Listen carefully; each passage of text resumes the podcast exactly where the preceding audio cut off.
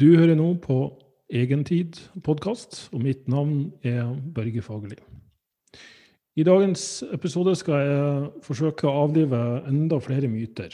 Eh, jeg stilte et spørsmål i min Facebook-gruppe for en tid tilbake om eh, hvilke myter innen kosthold og trening ønsker dere at jeg skal ta opp som tematikk i podkasten min. Fikk veldig mange gode forslag, og det var noen tema som gikk igjen. Jeg har snakka om noen i uh, forrige episode. Uh, ikke den som jeg publiserte forrige gang, men gangen for der igjen. Og I denne episoden skal jeg snakke om to ganske store tema. Uh, det ene er linken mellom kjøtt, metta fett og helse. Ganske stort tema der, altså. Det andre temaet er hvorvidt vi kan stole på eller bruke uh, Instagram-influensere og filmstjerner som inspirasjon og motivasjonskilde. Uh, vi går rett på sak. Linken mellom rødt kjøtt og matafett. Det ble jo eh, ganske mye oppstyr rundt det her eh, for eh, en stund tilbake, der World Health Organization, WHO, gikk ut og sa at rødt kjøtt var linka til økt kreftrisiko. Og da både rødt kjøtt og prosessert kjøtt. Eh, og da først og fremst at det var linka mot tarmkreft. Så når man ser litt nærmere på den, eh, den, rapporten der Det første som slår meg litt, er at de hadde først et forskningsgrunnlag på over 800 studier. Så bestemte de rett og slett at 744 av de studiene var ikke gode nok til å kunne tas med. Av de resterende studiene så var det 15 studier som sa at rødt kjøtt var helt OK. 14 studier som sa at rødt kjøtt ikke var OK. Det var ni studier som sa at prosessert kjøtt er helt OK. 18 studier som sa at prosessert kjøtt ikke er greit. Og går man litt sånn i dybden på de her studiene. Nå skal ikke jeg utbrodere fryktelig mye eh, når det gjelder liksom hver enkelt studie og de linkene, men det er et fryktelig tynt grunnlag. Det er veldig mye korrelasjoner, det er veldig mye basert på befolkningsstudier der folk får spørreskjema om kostholdsvanene sine, og så forsøker de da med litt statistikk å erte ut linken mellom enkelte matvareemner og hvorvidt den personen er syk eller ikke. Og det i seg sjøl er litt sånn skummelt. Uh, rett og slett fordi nummer én, folk er notorisk elendige på å huske hva de har spist forrige uke, forrige år, forrige århundre, for den saks skyld. Uh, nummer to, folk har nok en tendens til å forme svarene sine ut fra hva de blir spurt om. Så det er jo den klassiske når du, når du, spør en veldig overvektig person hva de spiser. Nei, de spiser ingenting. Eh, så det er klart, hvor, hvor, pålitelig kan man si at den dataen er? Det er det ene aspektet. Og nummer to, da å finne linker mellom enkelte matvarer og hvorvidt den personen er syk eller ikke, byr også på sine utfordringer. De forsøker jo så godt de kan å kontrollere for eh, for diabetes, overvekt, røyking, hvor aktive de er, og hvorvidt de har underliggende sykdom fra før av. Men, men, det er jo en stor utfordring. Og vi, vi kan jo også si da sånn at um, Det er mange metaforer som er treffende. Men det er sånn, hvis, hvis, du kommer til et hus som brenner, og så er det veldig mange brannmenn til stede, er det brannmenn som har forårsaka brann, eller kan det være at de bare er til stede uh, til samme tid? Eh, Annet eksempel. Si at du har eh, mange mennesker som drikker øl. Og så har du mennesker som ikke drikker øl. Og så ser du på f.eks. konsumet av chilinøtter. Så ser vi at jo, de som drikker mye øl, de spiser også mye chilinøtter. Mens de som ikke drikker mye øl, de spiser mindre chilinøtter. Kan vi da si med sikkerhet at det er chilinøtter som gjør at folk drikker øl? Eller er det bare sånn at de to henger sammen? Og ja, det her virker sikkert som litt sånn snåle metaforer, men, men det er overraskende mye sannhet i det. Eh, hvis vi skal se på, på, kreftrisiko, så er det jo sånn at tarmhelse er i stor grad avhengig av, uh, av, kosthold. Det henger mye sammen med kosthold. Men det henger også sammen med hvor sunn og frisk den personen er. Så jeg, jeg tenker det er forskjell på om en sunn og frisk person eh, som, som ellers lever sunt, og han spiser en entrecôte, eller kostholdet i sin helhet. Altså er, det, er det kjøttet alene, eller er det kombinasjonen av kjøtt med et kosthold som kanskje gir altfor mye energi hos en person som allerede er inaktiv? Så, så, du må ha konteksten i bakhodet her. Og det er studier som har sett på f.eks. hvorvidt veganere eller vegetarianere har bedre helse enn de som er omnivore, dvs. Si at de spiser både kjøtt og liksom alt, alt, mulig.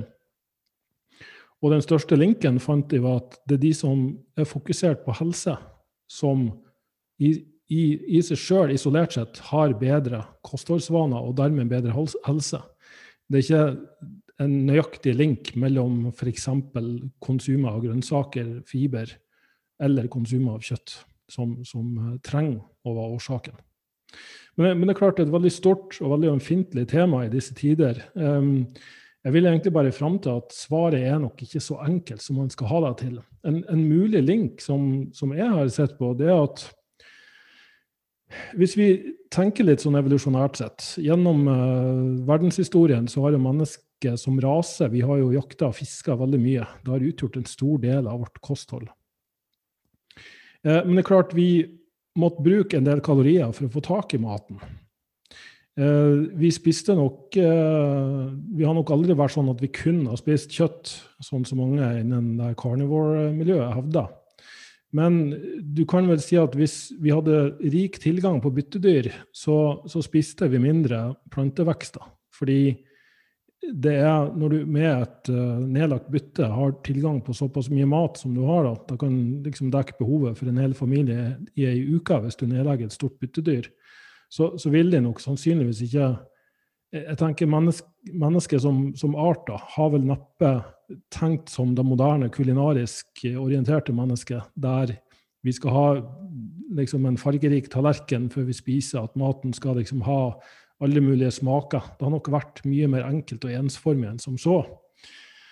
Um, men det vi ser, er at det er jo, det er jo vist en link mellom uh, den kortkjeda fettsyre butyrat og tarmcelleveggens uh, integritet.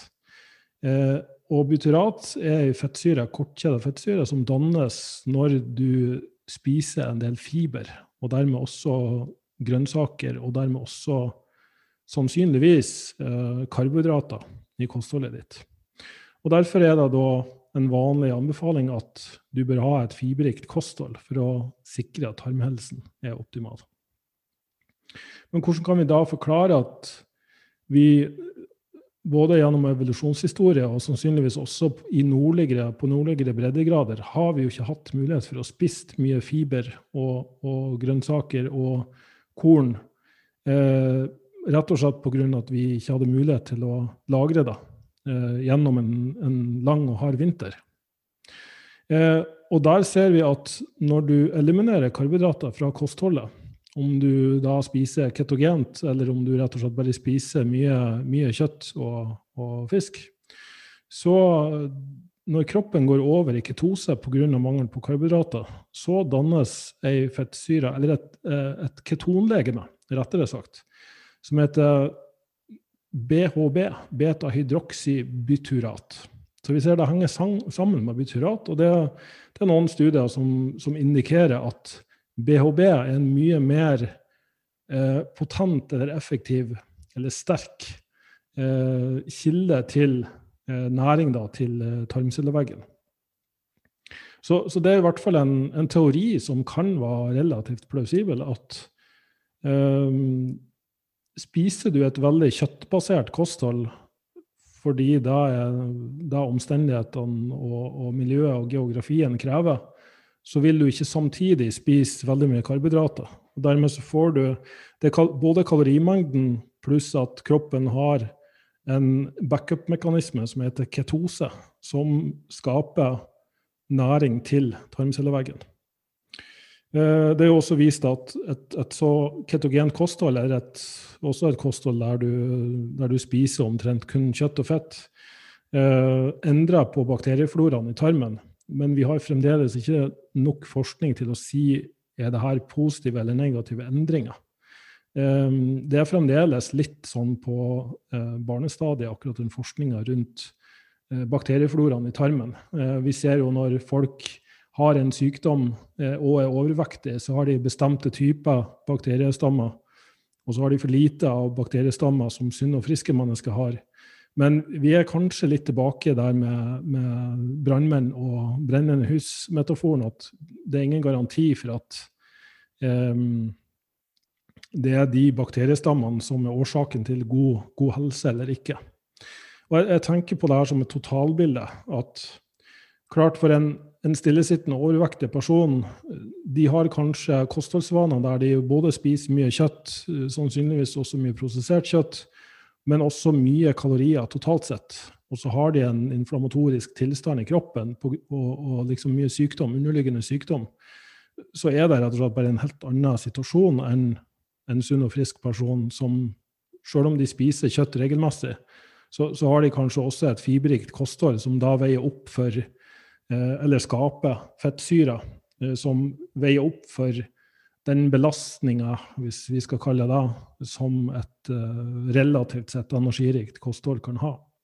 Igjen, det, det, er bare en teori, men det er en, det er en relativt troverdig uh, sammenheng der som, som kan forklare uh, Jeg har jo sjøl, som kanskje noen av dere vet, uh, spist kun kjøtt over en periode på mange måneder for å se hva det hadde å si på helsa mi, og, og annet enn at Altså Den første tida så følte jeg meg veldig bra.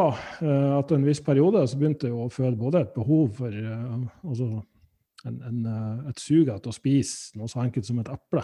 Og, og jeg følte etter hvert at det ikke fungerte spesielt bra for meg. Men her er jo mange enkelthistorier og, og, suksesshistorier fra mennesker som har hatt hjerte-karsykdom, overvekt, inflammasjon, revmatisme eh, som har kun altså, fulgt det her carnivore-kostholdet og opplevd eh, enorme helseforbedringer. En stor del av forklaringa kan nok tillegges at de faktisk går ned i vekt. Da at du ene og alene spiser et ensarta kosthold og spiser mindre kalorier, eh, kan, kan, være en, en, sterk forklaring til hvorfor de opplever de helseforbedringene. Så, så jeg er nok ikke der at jeg mener at dette er det optimale kostholdet. men det er jo som med enhver hypotese at hvis du finner mange gode nok um, indikatorer på at hypotesen er riktig, og veldig få eller ingen indikatorer på at den er feil, så skal vi akseptere den hypotesen. Og den hypotesen om at rødt kjøtt forårsaker sykdom Når det finnes så mange tilfeller av folk som spiser kun kjøtt i ikke bare måneder, men også år og tiår, og, og ikke blir syk, ikke får kreft, kan vi da med 100% sikkerhet si at rødt kjøtt kan forårsake sykdom? Jeg syns i hvert fall det er en ganske tynn um, årsakssammenheng der. Så, så, er det det her med metta fett. Det er jo også en, eh, et kontroversielt tema. Metta fett, kolesterol. Det første som jeg tror de aller fleste er enige om, er at kolesterol i maten ikke er ensbetydende med kolesterol i blodet. Eh, kolesterolinnholdet i blodet reguleres uavhengig av hvor mye kolesterol du spiser. Det, det, er rett og slett ingen direkte link mellom hvor mye kolesterol du har i kostholdet ditt, og hvor mye kolesterol som er i, i blodårene dine. Eh, og for at det her såkalte LDL-kolesterolet skal forårsake hjertesykdom, så er det mange eh, variabler og faktorer som må være til stede. Eh, i all hovedsak, for at du skal få plaktdannelse i arteriene dine, så må de her LDL-partiklene klebe seg fast, eller sette seg fast i den, den celleveggen, åreveggen. Eh, og LDL er et protein, det er ikke fett. Det er et lipoprotein som, som inneholder eh, kolesterol. Og så når, når de LDL-partiklene setter seg fast i den åreveggen, eh, hvis de da oksiderer pga. Uh, inflammasjon uh, og, og, rett og slett uh, trigger immunforsvaret til å gå til angrep, rett og slett fordi oksidert LL blir ansett for å være skadelig for kroppen, så, så, oppstår det da en, uh, en, inflammatorisk og lokal prosess der eh, hvite blodceller, som, som kalles makrofager, eh, rett og slett begynner å spise de oksiderte partiklene. Og det her gjør at de sin, makrofagene i sin tur blir til såkalte eh, skumceller, eller foam cells, som, som etter hvert eh, akkumulerer seg og skaper da en sånn plaktdannelse, som det kalles. Så, så har jeg rett og slett mange prosesser som må være på plass for at de aldealpartiklene skal sette seg fast, oksidere, og for at den inflammasjonen da, eh, som enten er allerede tilstedeværende eller som oppstår, eh, fører til den plaktdannelse. Og dermed er det så mange eh, miljømessige og genetiske risikofaktorer som, som da tidligere nevnte både diabetes, overvekt, røyking, mangel på aktivitet, infeksjon. Så i det hele tatt mange, mange faktorer som må være til stede. Og, og, når man da ene og alene begynner å skylde på metta fett eller rødt kjøtt, så, så, så har du mista ganske mange steg i den prosessen. Um, så, så, det er rett og slett et litt vanskelig og komplisert tema. Og, og det er klart en person som har et høyt inntak av metta fett, men også generelt sett et høyt inntak av kalorier, og ikke har den nødvendige aktivitetsmengden til å både eh, ta opp og forbruke de, de ekstra kaloriene, eh, så, så, er jo det i seg sjøl et stort faremoment. Eh, så, så, igjen, kontekst er, er utrolig viktig.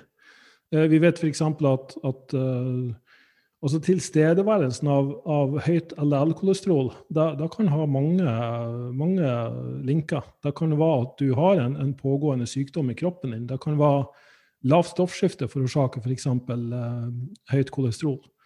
Det, det, kan være en indikator, en markør, på at her er eh, en eksisterende eh, tilstand som bør adresseres.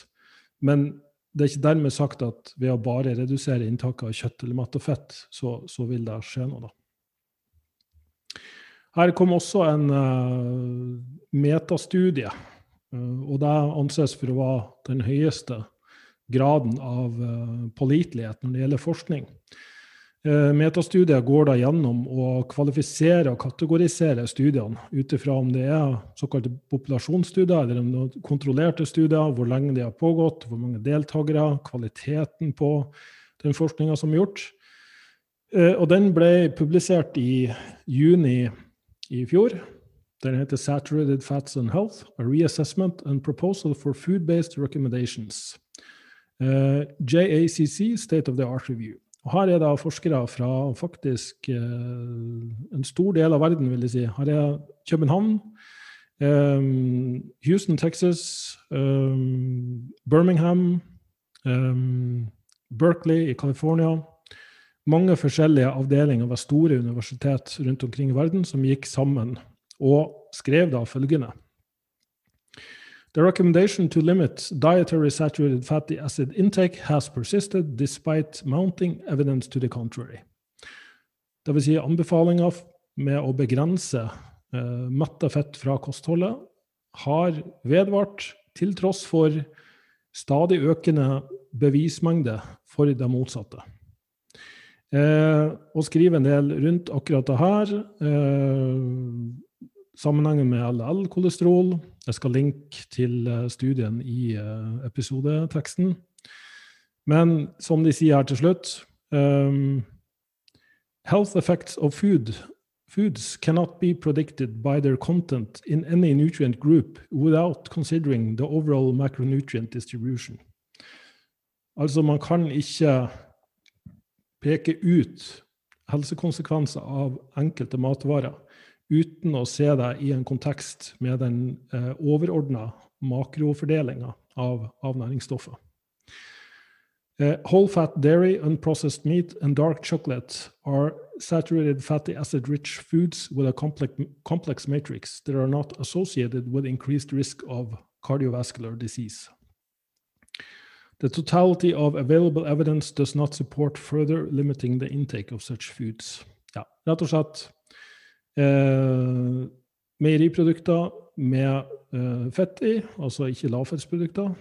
Eh, uprosessert kjøtt og mørk sjokolade er matvarer som er rike på matte fett, inkludert i et komplekst eh, ja, matrix, matrise, eh, med matemner som overhodet ikke har noen sammenheng med økt risiko for hjerte-karsykdom.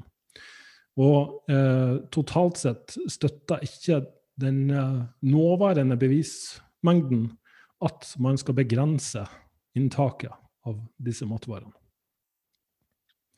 Så egentlig for å oppsummere og konkludere akkurat den delen der, så, så, så tror jeg vi, vi, må bli flinkere til å slutte å blåse opp og lage mediehysteri rundt enkelte matvarer. Jeg er jo av den, den oppfatning at det ikke finnes en enkelt matvare eller ingrediens som alene kan være et helseproblem. Jeg vil faktisk gå så langt som å si at sukker i seg sjøl ikke trenger å være et stort helseproblem. Det var en, eh, en mann på 60-tallet som heter Walter Kempner, som ga mennesker opptil 300 gram sukker hver dag og kurerte de for sukkersyke, diabetes. Rett og slett ved at kostholdet var så ensformig og så fettfattig at de menneskene her gikk ned store mengder i vekt, og, og dermed forbedra helsa si dramatisk. Eh, så, så vi, vi, må begynne å bli bedre til å se ting i kontekst. Hvorvidt du er sunn og frisk, hvorvidt du tar vare på deg sjøl eh, generelt sett. Om du har gode og sunne vaner. Et, et eh, gjennomsnittlig kosthold som er fiberrikt og inkluderer kjøtt, ser ingen problemer.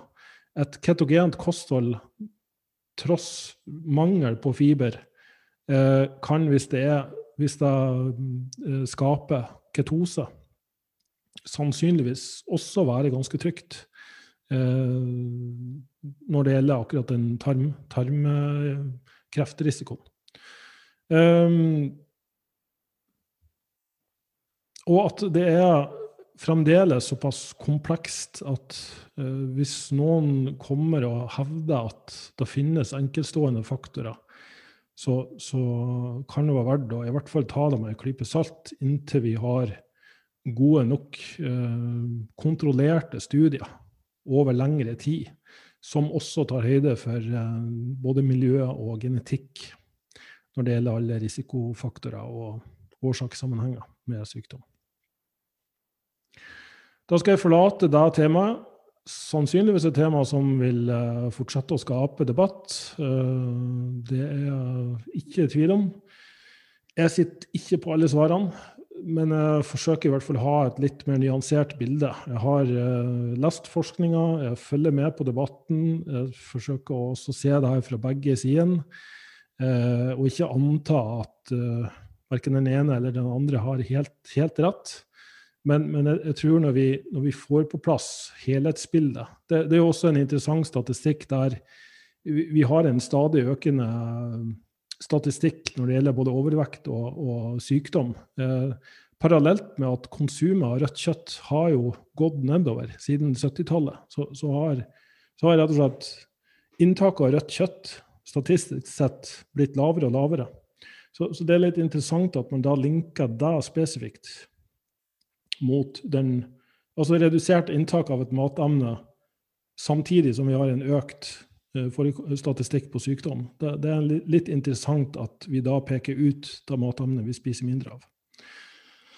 Jeg har også skrevet en artikkel uh, som heter um, 'Er bluesons bare svindel?', der det faktisk finnes statistikk som linker økt inntak av rødt kjøtt med høyere levealder. Der spesielt Hongkong utmerker seg med å ha høyest konsum av rødt kjøtt Eh, per innbygger, og allikevel har de også høyest forventa levealder. Og da kommer ikke jeg å si at det er kjøttet som gjør at de lever lenger, men at dette sannsynligvis er velferdssamfunn som også har råd til å kjøpe mat av god kvalitet, og da samtidig spise at en stor andel av det, det kostholdet de da spiser, er kanskje mer eller mindre tilfeldigvis rødt kjøtt. Men allikevel er det greit å ha sånne ting i bakhodet når man skal begynne å peke fingre. All right, neste punkt. Slik blir du lurt av fitnessinfluensere og filmindustrien. Det er vel kanskje en grei intro på, på det temaet. Um, og jeg kommer jo fra en bakgrunn innen fitness og kroppsbygging, og jeg vet jo hva som foregår bak uh, medaljen, uh, bak scenen. Uh, her er det relativt høyt inntak av, av, kjemikalier. Både for å holde en høy fettforbrenning og, og kunne bygge muskler sjøl om personen spiser veldig lite. Det er også veldig mye restriksjon, det er mye rigide vaner. Det er relativt sett, vil jeg si, mye trening. Tung og intensiv trening, og selvfølgelig da at man tar stoffer for å eh, gjøre sånn at kroppen klarer å holde ut den store belastninga. Eh, men, men, det er jo interessant å se hvor mange som da viser seg frem i sosiale medier og anbefaler det ene og det andre, eh, både hva du skal spise og hvordan du skal trene, uten å kanskje fortelle hele uh, historien, hva som egentlig ligger bak. Um, vi kan på mange måter si at den treninga og det kostholdet fungerer til tross for Eller på grunn av at en person har et underliggende inntak av farmasøytiske preparater som, som, da gjør at de rett og slett både overlever, overlever det her og faktisk klarer å bygge sånne kropper som de gjør. Eh, og, og da blir rett og slett ikke verken prata om eller belyst så veldig mye. Eh, det er jo noen få som går ut og er veldig ærlige om, om, alt det her. Og ikke bare bruken av ulovlige medikamenter, men, men også at det brukes både filmtriks, belysningstriks, retusjering av bilder og video, sånn at de eh, ser bedre ut enn de er i virkeligheten. Jeg har jo møtt mange av de her folkene i virkeligheten, og, de ser jo overhodet ikke sånn ut uh, som de gjør på, på kamera. Så, så her er mange triks man må være bevisst på uh, før man begynner å bruke de her som noen forbilder, eller som et eksempel på hva som er mulig å få til for den vanlige mann og kvinne i gata. Eh, og jeg ser jo problemet i at vi blir eh, eksponert for de her eh, supertrente kroppene med lav fettprosent konstant. Og, og, spesielt hvis du allerede følger slike folk. Da blir du òg tipsa om å følge enda flere. Så, så, det blir på en måte vist det du allerede er interessert i. Og, og ta det fra en som har vært hardt ramma av det sjøl, etter hvert, så begynner man å oppfatte det som normalt. Det å ha så lav fettprosent og så mye muskler det var i mitt hode normalt. Det var sånn jeg tenkte at man skulle se ut. Så, så når jeg hadde en fettprosent sjøl som var litt høyere, så, så, i mitt hode så var jeg feit. Og det er klart, for enhver som så meg, så var jo jeg en muskelbunt med, med veldig lav fettprosent. Eh, men jeg så jo ikke det sjøl. Jeg trodde jo sjøl at eh, nå var det på tide å stramme inn på, på kostholdet mitt og trene enda hardere. Og jeg har jo uh, måttet tatt konsekvensene av det. Jeg har jo måttet gått på hormonterapi i veldig mange år. Jeg har eh, hatt veldig lavt stoffskifte. Jeg har hatt ettervirkninger og senvirkninger av det her, både på bindevevet mitt, jeg har hatt mange skader. Jeg har i en alder av 46 år en, en kropp som eh, på en normal dag har et visst nivå av smerte, for å si det sånn. Det, det, er veldig lenge mellom hver gang at jeg kan si at jeg ikke har vondt noe sted. Så, så det er klart den påkjenninga den belastninga, den, den, ser du ikke på de bildene av de 20-åringene og 30-åringene som ser såpass uh, flott ut som de gjør. Eh, og så er det jo svært få av de som faktisk innrømmer at de bruker noe. Det er jo sett på som litt skamfullt at man jukser, da, for å si det sånn. Um, eh, og, og, mange kanskje snakker sant når de sier at de ikke bruker anabole steroider i den forstand, eh, men at de kanskje nummer én får utskrevet testosteron av legen sin. Det fikk jo jeg i mange år. Eh, og nummer to at de tar eh, såkalte prohormoner og ulike sånn medikamenter som ikke er klassifisert som steroider, men som har en like kraftig muskelbyggende eller fettforbrennende effekt. Så, så har jeg rett og slett mye bak gardiner som ikke blir fortalt. Og Det samme gjelder jo filmstjerner. Vi har jo hatt en, et, vil si det siste tiåret, mange superheltfilmer som har dukka opp. Der, eh, sånn som Den jeg husker best, det var jo Wolverine, spilt av Hugh Jackman. Som eh, det ble liksom lagt fram i media da, hvor, hvordan han spiste. Han fulgte periodisk faste, og han trente supertungt og eh, liksom ble den muskelbunten. Vi skal vel ikke liksom begynne å peke noen fingre eller noe sånt, men det er klart, det var noen ganske ekstreme regimer for å se ut sånn i en relativt kort uh, periode. Får du 25 millioner for å spille inn en film, så er det nok villig til å gå ganske langt og, og holde ut ganske mye for å se sånn ut. Bli smurt inn med olje og uh, pumpa det sjøl opp liksom, for at du skal se bra ut akkurat der og da.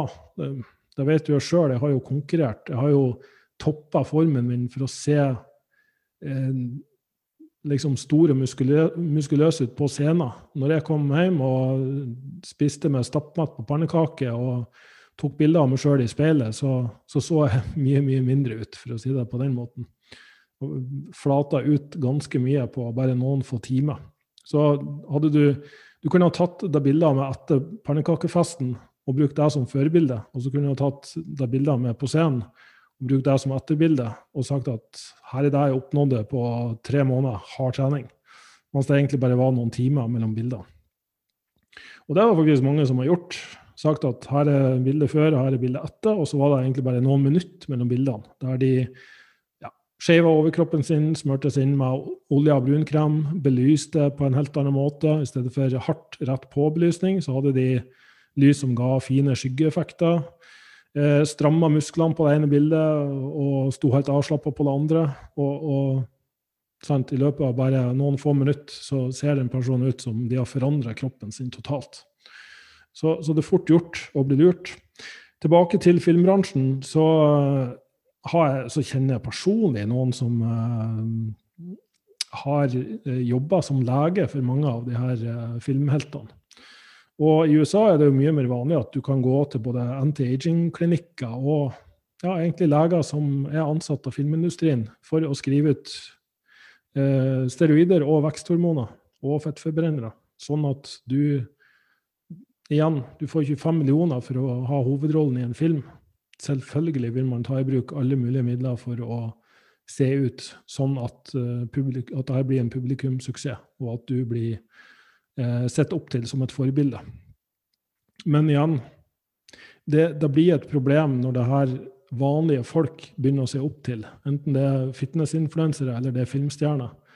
Eh, når, når, du begynner å tenke over hvor mye som er involvert i å se sånn ut og, og Grunnen til at jeg også vil avlive det her som en myte, det er fordi at vanlige folk kan da både få en urealistisk forventning av hvordan man skal se ut, og nummer to tro at det er hvor hardt du trener, og hvor mye du trener, og hvor mye kylling og brokkoli du spiser, som, som får det til å se sånn ut. Når sannheten er, og, og det her sier jeg fra et perspektiv der jeg har jobba med det her i over 20 år, eh, som en som har fått vanlige folk i sin livsform, til og med på scenen i, i fitness og, og, kroppsbygging uten bruk av slike medikamenter, eh, i, igjen sitt livsform, men, men samtidig langt fra de menneskene som vi da vet bruker de her eh, steroidene og fettforbrennerne og stoffskiftehormonene.